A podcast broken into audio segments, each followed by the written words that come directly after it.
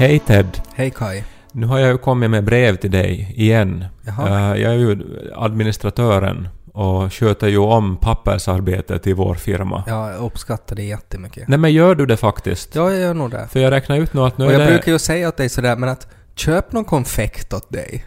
Köp en liten blomma åt dig. Ja, men det, det är ju för lätt, eh, för nu har jag hållit på i 12 år och skött har inte, administrationen. alltså, för jag har nog på något sätt haft för mig att vi har ett så här Mad Men sekreterarförhållande när det gäller det här.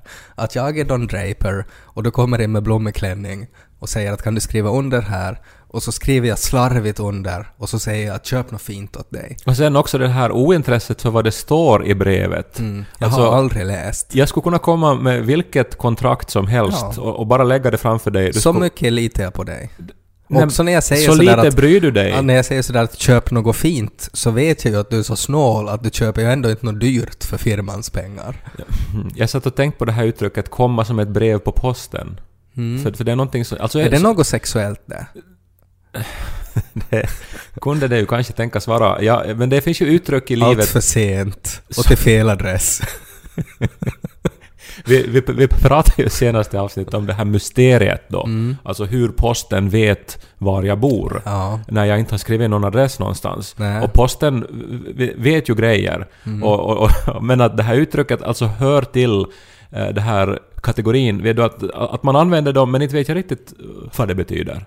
Komma Nej som men ett- det har vi ju, alltså någon gång har det ju betytt någonting. Alltså säkert att det var liksom pålitligt och snabbt och tryggt och säkert. Nej men nu har jag då slagit upp det och tagit reda på att det är då alltså negativa eh, besked som det handlar om. Alltså att någonting som man har gjort kommer tillbaks för att uh, hemsöka igen. Mhm. Alltså typ, nej men ett bra exempel är ju att om man kör för fort så, Mm. så böterna kom som ett brev på posten. Ja. Så att om jag då, jag menar till exempel då när du inte då läser det genom ditt kontrakt Nej. och sen liksom två år senare så kommer Kronofogden och beslagtar din Ja. son Mm. och liksom allt du äger. Så då kommer det som ett brev på posten. Jag har ju erfarenhet av att få negativa brev. Att jag minns ju, det är fortfarande väldigt traumatiskt för mig, när jag fick, första gången jag fick ett rekommenderat brev. Vi hade flyttat till Åbo. Ja. Och så fick jag ett rekommenderat brev och så får jag och, och, och det var så här att jaha, ska man, okej, varför kom det inte i postlådan då? Som vanligt. Och så får jag till posten och så stod det då att, att Åbo Akademi hatar mig och att jag inte har fått tillräckligt många studieveckor. Och det var jättetraumatiskt. Det, kan ju inte ha varit det första som... Första rekommenderade brevet, jo. Ja, alltså nu minns jag inte ens hur det var när det var rekommenderat. Det var att man måste gå till posten Ja, med det är som, ID ett, det är som ett ut- paket. Ja. För att de måste liksom... Jag hade ju för mig att det var liksom en massa rektorer från Åbo Akademi som var där i posten och sådär ”Nu kommer han, nu kommer han, nu kommer han!” Tsch, tsch, tsch." Ja, men det där är ju en sån härskarteknik då från myndigheter då, Ja. att man skickar ett rekommenderat brev. Det där har de ju lite mist nu idag, för att det är ju inte som samma sak att man måste liksom rekommendera att logga in på Kanta för att Mm. se något besked om, om sig själv. Eller så här, alltså e-posten saknar det här, det, det, den här smällen liksom. Ja, Men lite grann kanske, alltså när man får ett sms istället för ett e-postmeddelande. mm, Det stör jag mig på, alltså att om det som kommer från någon... Från, från egentligen vem som helst som inte är en vän, när det liksom kommer ett sms, för det liksom dyker upp på ett annat sätt på skärmen. Och, och det är som mera på något vis riktat rakt till mig, Mm. men rakt får du mitt hjärta. ofta sms från myndigheter då? Nå, jag vet inte om kanske myndigheter, men alltså från posten och från, från olika varuhus som på, äh, vågar använda min telefonnummer och så vidare. Mm. Och försäkringsbolag. Det är ju, jag tror att det är just det där att när det ser annorlunda ut så tänker man på något sätt att, att de... Det är ungefär som att polisen skulle komma och klä ut sig till en kompis. Alltså sådär att de på något sätt använder någonting som egentligen bara för vänner. Men de är ju inte vänner, men de ändå använder det. Ja, och liksom då uppfattar man det som, ganska, som, som ett intrång och som Ja. hotfullt. Ja. Och det är ju som ett rekommenderat Ja. brev då på något sätt. För att här får du ett paket, men egentligen så är det ett, liksom ett hotbrev. Mm. Tänkte på det här också, jag har arbetsrum på ett ställe som heter Fågelsången. Det är mitt i Helsingfors. Det låter ju påhittat. Jag jobbar i fågelsången. Ja, Ut i naturen. Om man är och uh, går runt Töluviken i Helsingfors centrum Mm. så då går man upp för en backe och det är det området då som är Fågelsången. Och där finns det gamla så här trävillor från Mm. Det är 1800-talet. jättefint. Det. Jättefint där. Men det var väl där som någon president hade ronkat jättemycket? I det rummet. Ja, no, Stålberg har bott i mitt Ja, rum eh, för länge sedan. Mm. Och jag bara utgår från att han också hade behov, som Säkert. de flesta människor har, Säkert att lätta han- på trycket. Ja, säkert finns det lika som ett brev på posten, ett, ett Stålberg-behov. Två till tre tömningar per vecka minns jag de lärde oss på sexualundervisningen. Att Var vara det bra. så? Ja, och det här... Men för Stålberg eller liksom för en ung man? Nej, tydligen för allihopa, eller kanske då alltså för män då, för att det handlar ju om eh, att få ut vätska. Ja, men det var också för Det där låter ju som att man är en, någon sorts kossa. Ja men så, kan, så är det väl ibland. det kan det väl vara. Men Ja. det här... Det, det där gick så stick i stäv också med det man lärde sig då i församlingen, där man ju inte alls skulle tömma sig i veckan. Ja, just det, att det var liksom motsatsen. Ja, det, det var synd. Jag måste fundera på uttrycket stick i stäv.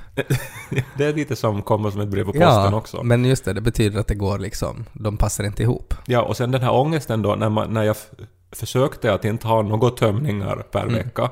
Och, och så började det tömma sig av sig själv varje Jaha. vecka. Och, och, och så hur skulle, man, hur skulle man redogöra det för Gud då? Ja, och vem är det? Jag menar, det är ju på ett sätt som ett handjobb av Gud det då. Nej men lika bra med den logik, alltså med samma logik så skulle man kunna tänka så. Nej men inte var det ju... Alltså, jag menar, Vem var det då? Nej men det var ju alltså det var ju på något vis att det blev för mycket, det blev för stort tryck. Är det Ja, liksom Gud som eller? kommer med ett finger på prostatan då och trycker en sista gång? Heliga anden. Ja, nej, oj, nu är vi farliga vatten här. Men där vid fågelsången då, utom då att eh, Stålberg har då tömt sig där, Mm. så eh, är det också ett avsnitt av hela backen som är söndersprängt, som saknas. Det Var det då när han hade väntat jättelänge? Och så var det då en speciell explosiv tömning. Jag har absolut ingen uppfattning om vår första presidents Jag bara liksom, tänker att sexuella energinivå. Nej, jag vet inte heller, men man tänker ju att liksom så här statsmän i allmänhet nog är ganska, de är ganska laddade tror jag. Och att om man heter Stålberg, så det känns ju nog som att, jag menar, det låter ju som nå- något så här namn som man, i något skede har man fått det av någon specifik händelse. Det är som ett, ett järnspett kan man Ja. säga. Eller något sorts... Ja, möjligt, möjligtvis. Mm. Rutti låter också på något vis som att, att man, man... Jag vet inte. Det låter som det är snabbt och mycket det. Det strittar Ja. kring Rutti, tror jag. Ja, som en kulspruta. Ja, men, men så det här, för att då när Statens järnvägar då skulle eh, expandera då eh, sina spår Mm. från att bara kanske två, tre spår till att då bli som idag då kanske 20 olika spår bredvid varandra som Mm. far raka vägen in till Helsingfors. Så då gick järnvägen rakt via Fågelsången. Mhm. Och hur löste man det då på, då på 1900-talets början? Ja, kanske ringde presidenten och sa att nu har vi ett berg här i vägen. Ja, och sen så, alltså man, man, man tog bort berget och drog, Ja. drog i, i järnväg. Så halva fågelsången är liksom bortsprängt. Och också husen som var där, en massa trävillor, är är alltså bortsprängda. Och jag har någon gång eh, tänkt liksom på det brevet, när det, det kom på posten till de här Ja. människorna som bodde där. Alltså det var ju ändå kanske tio människor som hade stora fina hus där. Hej alla som bor på Fågelsången. Nu är det så att vår president kommer att ronka sönder era fasader och, och husgrunder. Vänlig, vänligen var borta 24 maj mellan 9 och 12. Vattnet är avstängt från 8 till 11. Puuen purmu puut puussa robotning Som talas sit så popna popcorn Så bredvid Popnödena popcorn Så bredvid Lys på Ted och Kai Nu kommer jag att ställa en fråga till dig. Eh, känner du till sporten Ring 1? R- Ring 1? Ja. Nej. Nej, inte jag heller. Vänta nu, eller är det, det att det är såna här uh, platta ringar som man ska slänga och så ska man träffa någon sorts pistill? Nej. Eh, nej. Det Det är är, det väl, här- det är en leksak, tror jag, för, för bebisar. Ja men det är ju många såna här sporter som har vet du, miniversioner och det här säkert finns då eh, på som man har det ute på landet då så leker man på sommaren. Ja, men här är grejen. Eh, det var ju ishockey-match. Det, var ju, det är ju jättemycket som har hänt de här senaste dagarna. Det har varit riksdagsval, det har varit Game of Thrones, Notre Dame har brunnit upp. Men vi pratar om Stålbergs eh, Ja. tömningar. Ja, men det här är ju inte en nyhetspodd. Nej, för så fan. inte. Men ändå måste vi ju lite prata om det här. Alltså det var ju damlejonen, så vann ju, men så vann de inte. Eh, och så blev det straffar i ishockey. Och så, om jag förstod det rätt då, så var det en, en dam där då som skulle göra mål, men hon gjorde inte mål, utan istället så så gjorde hon någon sorts så här konstig Ilma-vejvi som sket sig. Alltså att hon på något sätt som, och det här har jag nu fått återberättat, jag tittar inte på den här matchen, men att om jag förstod det rätt så satte hon liksom klubban på något sätt sådär att hon satte liksom bladet mot pucken och försökte göra något häftigt. Som Mikael Granlund då gjorde ett känt. Nej, inte, inte, nej, för att han typ lyfte ju upp den i luften och sådär. Det, det gjorde hon inte, utan att hon på något sätt istället för att liksom slå med majlan på pucken som man gör i ishockey så på något sätt försöker hon som i snooker, alltså på något sätt peta in den. Alltså hon la sig ner på isen och sikta och liksom Ja. med skaftet då. ja, Okej. jag tror det. Just. Liksom på en straff. Eh, och, och folk tyckte det här var jättekonstigt. Och så pratade jag i efterhand och, och med människor på jobbet och så var de sådär att ja, jag menar att hon är ju liksom uh, trefaldig VM-mästare i ringet och att det är liksom därifrån. Och så sa jag ja. Och så gick jag och googlade. Och jag har, alltså det är en sport jag har missat. Men, Och du har ju också missat tydligen. Det finns men alla i rummet utom du visste vad det var då? Det var... Ja, Ja, alla. Alla var sådär ring ett. Ja, ja, ja, ja, ja. Det är ring ett på Jompa. Yes. Ring ett, alltså Ja. med två T i slutet. Ja, alltså det är franska och betyder liten ring. Sådär som, som ringchen skulle vara på tyska. Så samma, fast ring ett. Jag trodde det var på något sätt någon sån här trafiksport. Att nu ska vi köra ring ett och sen ska vi köra riksåttan och... Ja men det kan ju inte vara en riktig sport, det måste ju Ja, vara något så nej, här som det- brännboll lite. Nej, det var, jag har googlat nu då, och det var på 60-talet så fick inte flickor spela ishockey. Och så var det en gympalärare som bara var sådär att Hmm, vad ska flickorna göra när de bara står när pojkarna spelar ishockey? Flickor tycker om ringar! Åh, ishockey med ringar! Och så är det ishockey med ringar. Alltså en ring då, en liten ring, en ring ett. Eh, annars är det väl som ishockey. Men att istället, Men, för att tydligen... men har man skridskor alltså? Ja, det tror jag. Det, det är jag faktiskt osäker på, men att det är väl på isen nu det spelas. Men på något sätt den här fransk... Alltså nej, det var väl... Jag tror han var fransk, eller det kan hända att han var så här kanadensisk fransk. Eh, han som kom på det här då. Och på något sätt logiken att hmm, orsaken varför flickor inte kan spela ishockey är ju för att puckar. För att de är så tunga då? Eller Nej, jag, jag de, vet inte. Eller om han tänkte på något sätt sådär att, att puckar är som flickor, lika som gurkor är för katter. Att de bara... Det är något som händer i huvudet så blir de rädda och strittar upp i luften. Det går inte. Eh, men så var han sådär att "Nå men vad, tänk, vad tycker flickor om då? Nå men ringar! Och så var det som att det var världens mest logiska och självklara sak att om flickorna får spela ishockey med en ring, då kan de ju spela ishockey.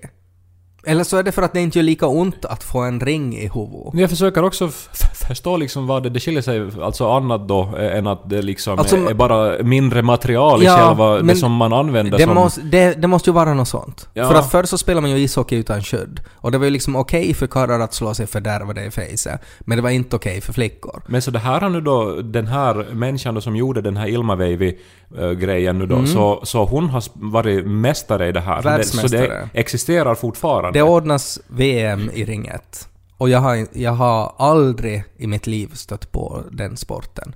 Och det känns som att jag har ju ändå levt liksom i över 30 år. Att jag tycker att det är statistiskt osannolikt att, att på något sätt jag inte har kommit i kontakt. Alltså tänk hur svårt det skulle vara att om jag skulle bestämma för Lo nu att jag ska göra mitt yttersta så att han aldrig kommer i kontakt med begreppet bobsleigh. Och så, det skulle vara omöjligt för mig att vara sådär, ja, vi kommer inte att se på cool runnings idag. Vi kommer aldrig att, att liksom uh, få på vinter-OS.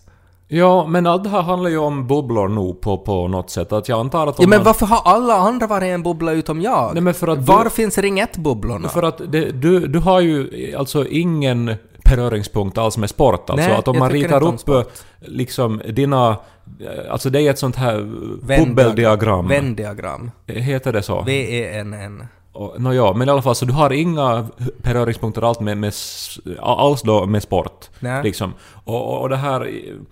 Som till exempel nu, jag var i, här till helgen med ett gäng glada människor som nu av en händelse alla var homosexuella också. Och eh, där så var det Var någon... de, när du säger att de var glada, beskrev de sig själva som så? Nej men det var ett glatt gäng och roliga människor. Det var, det var någon var fransman och någon, och någon från eh, Irland och så vidare. Och alla råkar vara gay. Men så var det någon som aldrig hade hört talas om RuPaul. Den här dragdrottningen. Ja, precis, som har RuPaul's Drag Race. Det Men hur här. kan man vara gay och aldrig ha hört om det? Nej men precis, men hur kan man då vara uh, finländare utan att ha hört om Ring 1? Alltså det, det, så tänker då en del då som har levt hela sitt liv då med det är självklart, det är som att inte ha hört talas om tomat. Men här är ju grejen, du hade ju inte heller hört om Nej, men jag har inte heller några eh, kopplingar alls. Det var också när du, du började tala om den här ishockeymatchen så fick jag liksom panik. För jag, för jag har inte sett, jag har inte läst ett ord om den. Jag var så här att jo, jag förstod att de nästan vann, men så vann de inte. Och att sk- sk- skulle de ha vunnit skulle jag inte ha brytt mig. Skulle de ha blivit tvåa, vilket de blev, skulle jag inte ha brytt mig. Alltså, det, men då tänkte jag att ska vi prata om det så måste jag ju ha en åsikt. Ja. Jag har ingen åsikt. Nej men vi ska inte prata om det, vi bara pratar om det att jag har missat ring ett. Ja, men... ja. Alltså problemet är ju så här att när man missar någonting, det är ju lite samma sak som att om man om, om man eh, har träffat en ny glad gay kompis till exempel och så kommer det fram då att den, här var det då att den inte kände till RuPaul, men att vad om det skulle vara så här att plötsligt står vi inför en matematisk uppgift och så säger den att jag kan inte division. Och då är man så här, oj då. Men vad annat kan du inte då? För det måste ju vara ganska mycket du inte kan om du inte kan division. Och det är ju så jag tänker, när jag har missat hela sporten ring 1, vad annat har jag missat? Finns det en massa andra flickgrenar som jag inte har stött på? ja, men det, här, det där är liksom otroligt intressant. Ja, och är det där mitt sportointresse ligger? Att jag har inte hittat den grenen som, som är liksom min. Som jag ska heja på, mitt lag. Ja, och det är ju nog oproportionerligt stor, alltså så mycket energi som läggs på en så fånig sport som ishockey till exempel. Som ju är Ja. en bara ra random sport liksom, med, med random regler. Som någon har hittat på. Ja, bland tusentals andra sporter så har den här liksom höjts till en sån nivå att vi bygger arenor och liksom det satsas miljarder eh, på, på turneringar och man är fans och så vidare. Vi är alla överens om att det är korkat. Det tror jag... de- Alla som lyssnar på den här podden Ja, alla är överens om att det är korkat. Det känns ju bara som att nu har jag insett att jag har ett enormt hål i min kunskap vad gäller så här franska flicksporter. Och vad ska jag göra? Nej men du googlade ju, alltså du tog ju ditt ansvar, googlade, informerade dig och gick vidare i livet. Och det, det är väl så som man måste göra? Ja men det känns ju som att nu borde jag ju gå tillbaks till jobbet och så borde jag leta upp alla de här människorna som diskuterade den här ishockeymatchen och så skulle jag på ett smidigt sätt måste få in nu att jag nog vet vad ringet är. Utan att liksom gå och säga att nu har jag googlat. Att... Jag har övervägt om jag borde liksom få köpa en sån här Ring 1 till någon Ring 1-butik och gå då och snurra på den, eller vad man nu gör. Och så skulle det vara sådär som att det är världens naturligaste grej. Lika det- som, men som man går med en, en sån här amerikansk fotboll under armen och bara sådär catch! Och slänger. Så skulle jag säga då Ring 1! Men kan du gå då till någon sån här sportaffär och säga att nu vill du ha en fullständig Ring 1-utrustning? Ja, du vill ha Ring måste jag kunna. 1-strumpor, Ring 1-suspensoar? Tänk om expediten är sådär att vad är det för sport? Förmodligen Och inte. så skulle jag källa ut den och vara sådär att hur kan du inte veta? Trefaldig VM-mästare. Hon som mockade i straffen. Hon har spelat ring ett. Det är den här nivån i det också, att det är inte att man inte förstår sig på offside. Utan att det är att du inte vet vad de här människorna på planen gör. Att, att det är som att man skulle ha liksom rest i tiden. Att man kommer som en, en grottmänniska och ser en fotbollsmatch och man vet inte vad de gör. Man förstår inte att är de glada eller arga eller vad är det? Ja, men samtidigt allt det här, jag menar den där känslan som du hade när du hörde om det här så är ju också lite skön. Att det är ju som på något vis att du lever upp lite grann. Att, att din, du, du liksom tappar fästet ett tag, sen så tar du reda på och så expanderas din värld Ja, lite men grann. det, jag vet inte om den gör det. Alltså, ja, världen expanderar men potentialen blir ju också större. Så rent procentuellt så är det ju ingen förändring. Ja, men jag tror ändå att det liksom känns ju skönare än att bara höra om eh, fotboll. Eller som, vet du, någonting... Alltså, ändå så händer det grejer. Det uppstår nya synapsbanor i hjärnan och det är som Ja. ändå en skön känsla. Det gör det. Och, och, och sen är du lite perusad av din nya kunskap också efteråt. Ja, Och men liksom- lite rädd också. Det här är ju en idé till en podcast. Att liksom sprida allmänbildning som ändå inte är allmänbildning. För att liksom skapa den här känslan i folk. Att man lyssnar då att nu ska jag lära mig någonting nytt. Det kan ju heta, eh, heta det. Någonting nytt kan podden heta. Och, och sen så, eh, inna, så är det liksom ett avsnitt om Ring 1 och sen är det ett avsnitt om eh, någon... Eh, jag, jag, jag som författare till exempel får ju den där känslan ibland också. Man, man, man är på något möte med andra författare så pratar de om en tredje författare som, som man ju borde veta då för att man är författare typ. Och sen vet jag inte och så mår jag jättedåligt och sen får jag hem och googlar och tar reda på allt jag kan om den författaren och lånar alla böcker. Men får du lust att gå tillbaks till de här andra författarna då och säga att du nog vet vem den här tredje författaren var? Nå, ja, men då... Ja, sen så nämner de en nästa författare som inte jag vet. Så, så helvete! Och så får du googla igen. Ja, jag ska sluta umgås med folk.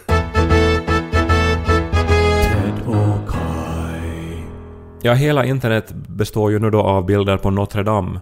Mm. Och plötsligt är det ju då den byggnad i världen som man älskar mest. Eh, Ja. Det är ju jätteledsamt nu. Alltså, samtidigt så tror jag ju att de kommer att restaurera den och renovera den. Den har ju inte liksom brunnit ner till marken. Nej, Men, eh, men klart att den, den är ju en 800 år gammal kyrka. det är ju intressant också på något sätt sådär att, att när det på något sätt när någonting tas bort. Det är ju då, det blir det ju igen blir det ju på något sätt den här diskussionen när den här ena limonaden ska tas bort från butikerna. Och så blir det att det här är, det är den bästa som finns, ni kan inte göra det, jag tar livet av mig då. Ja. Och det är lite samma känsla nu med det här Notre Dame också. Men inte kan du ju ändå riktigt jämföra det här, eh, liksom, eller som Visst när, när Take That sluta när, Ja. när det ju faktiskt också var människor som tog livet av sig. Ja, Jag, jag tänkt säga att oj vad de ångrar sig sen. Men, men det är ju inte liksom... Jag menar, nu just känns det som att Notre Dame är ju en... Det är ju, en, alltså det är ju något som man har stått på hela livet. Ett, ett av de här, de här festpunkterna man har haft. Nej men det liksom. är väl inte så, inte hade ju väl Notre Dame varit en festpunkt Nej men för som, dig? som bygger upp... Att när du känner dig sådär att oj, nu har jag nog svårt, nu känner jag inte igen mig själv. Vem är Kai Korkeaho? Och så tänker du Notre Dame, Nej, men, Notre Dame och så är du sådär, nu hittar jag mitt inre lugn igen. Nej, jag återkommer till det här med tomat, för alltså det, det är någonting väldigt vardagligt, någonting som man har vetat om precis hela livet, att det finns tomater. Vad om det plötsligt inte skulle finnas tomater? Men det är inte heller samma sak för att en toma- alla, nästan alla på planeten har tillgång till tomater. Du kan gå in i en butik och köpa, du kan Exakt, odla alla själv. har tillgång till den mentala idén om Notre Dame. Nej, Endera verkligen via inte. den här fasaden, Absolut via inte. Victor Hugos Nej. roman Ringaren i Notre Dame, Nope. Disney-filmen Nix. Ringaren i Notre Dame. Njet. Ja, och folk, de 50 miljoner plus Men varje år som besöker Paris. Det är ju en idé av Notre Dame. Allra flesta människor har ju inte varit dit och har inget förhållande till det. Man tycker bara att det är jätte, jättesynd när en, en anrik byggnad förstörs. Ja, men också det, det, det är väl kanske urtypen av en eh, katedral också. Eller alltså, när människor tänker katedral Mm. så tror jag att de allra flesta tänker på endera kanske Peterskyrkan i Rom eller Notre Dame. Alltså det är Eller- liksom de två. Den här kyrkan i Pelle Svanslös. Alltså Uppsala, Ja. den här... Vad heter, jag vet inte ens vad den heter, Upp- Uppsala kyrkan. Ja. Men, nå, jag tror det är väldigt få som tänker på just den. Jag tror det är jättemånga för den ser ju ut som en katt. Och då är det väldigt lätt att man tänker ah, Pelle Svanslös. Den där kyrkan där. Ja, nå, den påminner också om Johanneskyrkan i Helsingfors lite grann. Ja. Två... Jag, jag är väl mest bara det att det är så jättemånga på sociala medier som, som har varit sådär att oj nej, Notre Dame.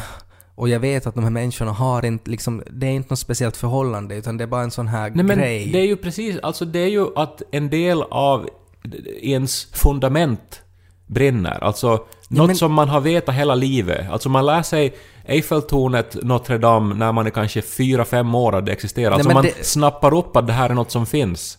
Och sen så är det med hela livet och så tänker folk ja, en dag ska jag få se Notre Dame av oklara orsaker. Inte har man som någon speciell... Alltså Ja, man vill bara det är se inte- det som det alla inte talar heller, om. Jag menar det finns olika nivåer av det. Skulle pyramiderna brinna upp? Då, det skulle jag acceptera mera, liksom den känslan. Men Notre Dame är ändå bara Notre Dame. Det är en jätteanrik och häftig och vacker kyrka. Men det är ändå inte sådär, det är inte ens i samma kategori som Eiffeltornet. Nej men ja, det är alltså en del av västvärldsmytologin, vår eh, vår liksom existens. Min tes är, skulle det inte ha gjorts den här Disney-filmen så skulle folk inte bry sig lika mycket. Nej men, Varje monument borde ha en Disney-film. Det skulle ha varit bättre om, om det skulle finnas någon att hata. Alltså Jo. att det skulle på riktigt ha varit någon, någon James Bond-skurk som skulle ha flugit en raket in i kyrkan. Men när det är sådär typ man vet ju inte vad som har hänt men att antagligen är det ju någon byggnadsarbetare som satte lite en plastpåse på en varm lampa eller någonting. minns du när Borgå domkyrka brann? Nej, jag minns inte. Men du kan inte, inte minnas det. Det var ju traumatiskt för hela Finland Nej, och det var men det var- speciellt traumatiskt för svenskspråkiga. Ja, det, det var och det du säkert. hör till, eller du har skrivit ut dig säkert ur kyrkan, Jo, men men, jag du hör till. Borgå stift hörde du ganska länge. Ja, men för mig personligen, alltså hur gamla var vi när den brann? Nej, Det var, var det 2010, 2009 någonting? Jag vet Ja. inte. Nå, för mig personligen så, så var det liksom synd att det var en fin byggnad, men att det var inte liksom något så här spirituellt för mig var det inte. Nej men alltså, det är ju hemskt alltså för det är ju en ikonisk bild alltså framförallt. Alltså det är en ikonisk byggnad men de flesta känner till den från någon bild som man har sett på någon skolbok eller från någon vykort eller någonting. Och så plötsligt så ser man den bilden brinna eller vara utan tak. Och, och det är ju någonting som, som hugger i... Men om man aldrig har varit, om man har inte varit där och upplevt den här storheten så är det svårt att bry sig lika mycket. Intressant, det här är ju då alltså via säkra källor då. Eh, Så den här som brände upp Borgå domkyrka och blev ju dömd och satt i fängelse och kom ut därifrån också sen och, och säkert är skuldsatt ganska eh, länge om vi säger så nu då för dessa skador eh, han orsakade då. Eh, Så när han gick i lågstadiet så ritade han eh, Alltså som nioåring så ritade han en bild på Borgå domkyrka som brann. Nej, Det kan ju inte stämma. Det här- säger säkra källor. Så som... är det Niko? Ja, Jag kan inte avslöja mina källor, Okej. men Eh, men det någon låter ju... som är från samma ort. om man som nioåring är sådär då life goals ska tända eld på domkyrkan. Då är det ju, det är ju en jättesvår situation för man vill ju också uppmuntra folk att följa sina drömmar. Pedersöre kyrka brann ju också, alltså den här Och stora det var ju- fina medeltida Det var ju kyrkan traumatiskt för dig. i Jakobstad. Nej, det var fascinerande för mig. Jag samlade Aj, på du fakta var ju besatt av om det. det. Ja, jag, jag liksom sparade broschyrer och, och liksom artiklar. Gjordes det broschyrer faktiskt? Nej, alltså inte om branden, men om kyrkan. Och jag tyckte det var Ja. väldigt som otroligt spännande då att den hade brunnit. Och sen så, så minns jag också då att jag att mina fingrar blev svarta när jag höll de här broschyrerna och att jag trodde att det var någonting, att det var som på något vis soten från branden som... Som någon sorts så här konstig stigmata. Ungefär eller någonting. Men alltså jag är Mm. glad att jag sen inte utvecklade pyromani som ju är ett, eh, alltså ett syndrom. Mm. Som, som ju existerar. Ja, så är och, det. och, och som ju antagligen, om man som nioåring ritar Eh, sådana bilder och sen tio år senare eller någonting eh, utför det dåd man har ritat så kan man ju tänka att det är någonting som finns inom en. Ja, det är bara spekulationer, det, det vet jag inte. Men att eh, det är ju... Alltid då och då är det ju någon som går omkring och eldar upp hus. Vi är ju Kristinestad för några år sedan också. Mm. Kanske, kanske är det någon sån här... Alltså, jag tycker ofta så läser man ju på så här evolutionära instinkter som på något sätt går snett. Att kanske, var det, kanske fanns det någon sorts så här mekanism som finns i vårt DNA att vissa människor ska bara bli pyromaner. Och så är det de som sen typ bara är sådär, nu slår blixten ner och de är bara sådär Oh my god, jag är så kåt! Och så bara springer de dit och, och, och bara börjar klotta med eld. Och på det sättet så får de, uppfinner de facklor. Är det månne då sen också en konstant det här med att man måste få två till tre tömningar per vecka då för alla behov?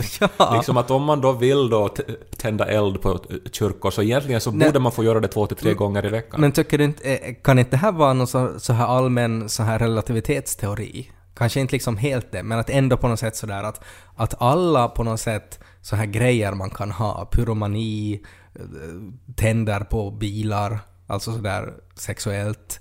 Alla sådana här, men vi har tidigare pratat om den här kvinnan som ville gifta sig med Berlinmuren. Alla sådana här konstiga grejer, att det har någon sorts evolutionär betydelse, att någon gång har det varit viktigt att vissa människor går igång på de här sakerna för det leder sen till ett framsteg för hela mänskligheten. Men att sen när det, när det är gjort så återuppkommer den här genen ibland och så blir det bara liksom till en konstig fetisch. Ja, men säkert är det precis så det Ja. funkar. Jag gick annars av en händelse... Jag är så glad att du säger att säkert är det precis så det funkar.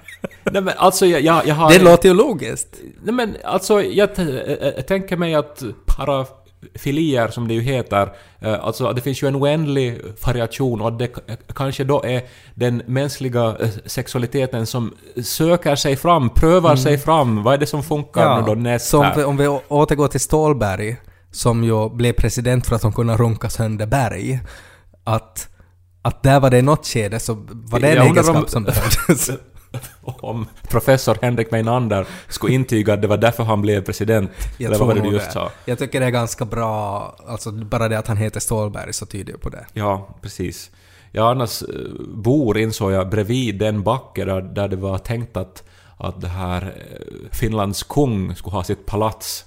Då när det ännu ja. var eh, tänkt då att vi skulle ha kung, så då skulle man pugga den där på, där vid Eira då, helt i min, mitt grannskap. Och det är otroligt vad det liksom skulle ha ändrat på fastighetspriserna i mitt eh, eh, område helt enkelt. Ja, Men att så du blev skulle det bo inte. granne med kungen. Ja, men eh, de planerna ronkar väl Stålberg bort. Men var det, som, var det Relander som blev president efter Stålberg? alltså jag kan det här tack vare en sång som du och jag gjorde i sketchprogrammet Radio Pleppo. Där, där vi gjorde en sång av alla presidenter. Nu har vi fått en Niinistö till så vi borde ju utveckla melodin. Vad var det för sång? Stålberg, Relander, Svinhuvud, Kallio, Ruti Mannerheim, Paasikivi, Kekkonen, Koivisto, Ahtisaari, Tarja Halonen, Tarja Halonen. Tarja Halonen. Nu kommer jag ihåg. Och vi hade en, vi hade en komp till det här också. Ja, det är jättepedagogiskt. Ja men alltså det är ju public service om någonting det. Verkligen. Alla som lyssnar på Radio Pleppo minns ju presidenterna åtminstone. Ja. Och nu Skulle vet, kunna göra en likadan sång nu då med uh, Ring 1. Så skulle folk lära sig vad det är. ja, en helt bra idé tycker jag. Ja. Borde vi avsluta med den då? Mm. Det är ju jättesvårt nog för det är ju som, jag sitter och läser på Wikipedia här och det är ju en massa text. Och Ja. det är ju inte alls lätt att sammanfatta Nej, Ring men 1. det, är inte, det behöver inte vara lätt heller. Det mest överraskande är ju att Ring 1 stavas som Roxette, alltså med ett E på slutet. Ja. Så att uh, Ringette kan man ju, Mm. om man då vill uttala det på finska. Ringette. Ja, men... eh, Eller men på dialekt. Ringette! Så kom hit! ja. Vilket alltså betyder ring efter henne Ja. och be henne komma hit. Eh, men alltså, eh, en sång är nog svår att göra tror jag. Man Alltså, kan inte ta samma melodi. ja, som den här Ja. pre- presidentsången. Du tar bara den melodin om och om igen och så bara berättar du fakta om Ring 1. Ring 1 är en issport skapad för flickor, spelas på en ishockeyrink för flickor. Då visste vi det. Det visste jag inte till exempel. Mest känt i länder som Kanada, Finland, USA. Eh, Något mer info måste vi nog ha. Kräver stor skicklighet med skridskor som utnyttjas.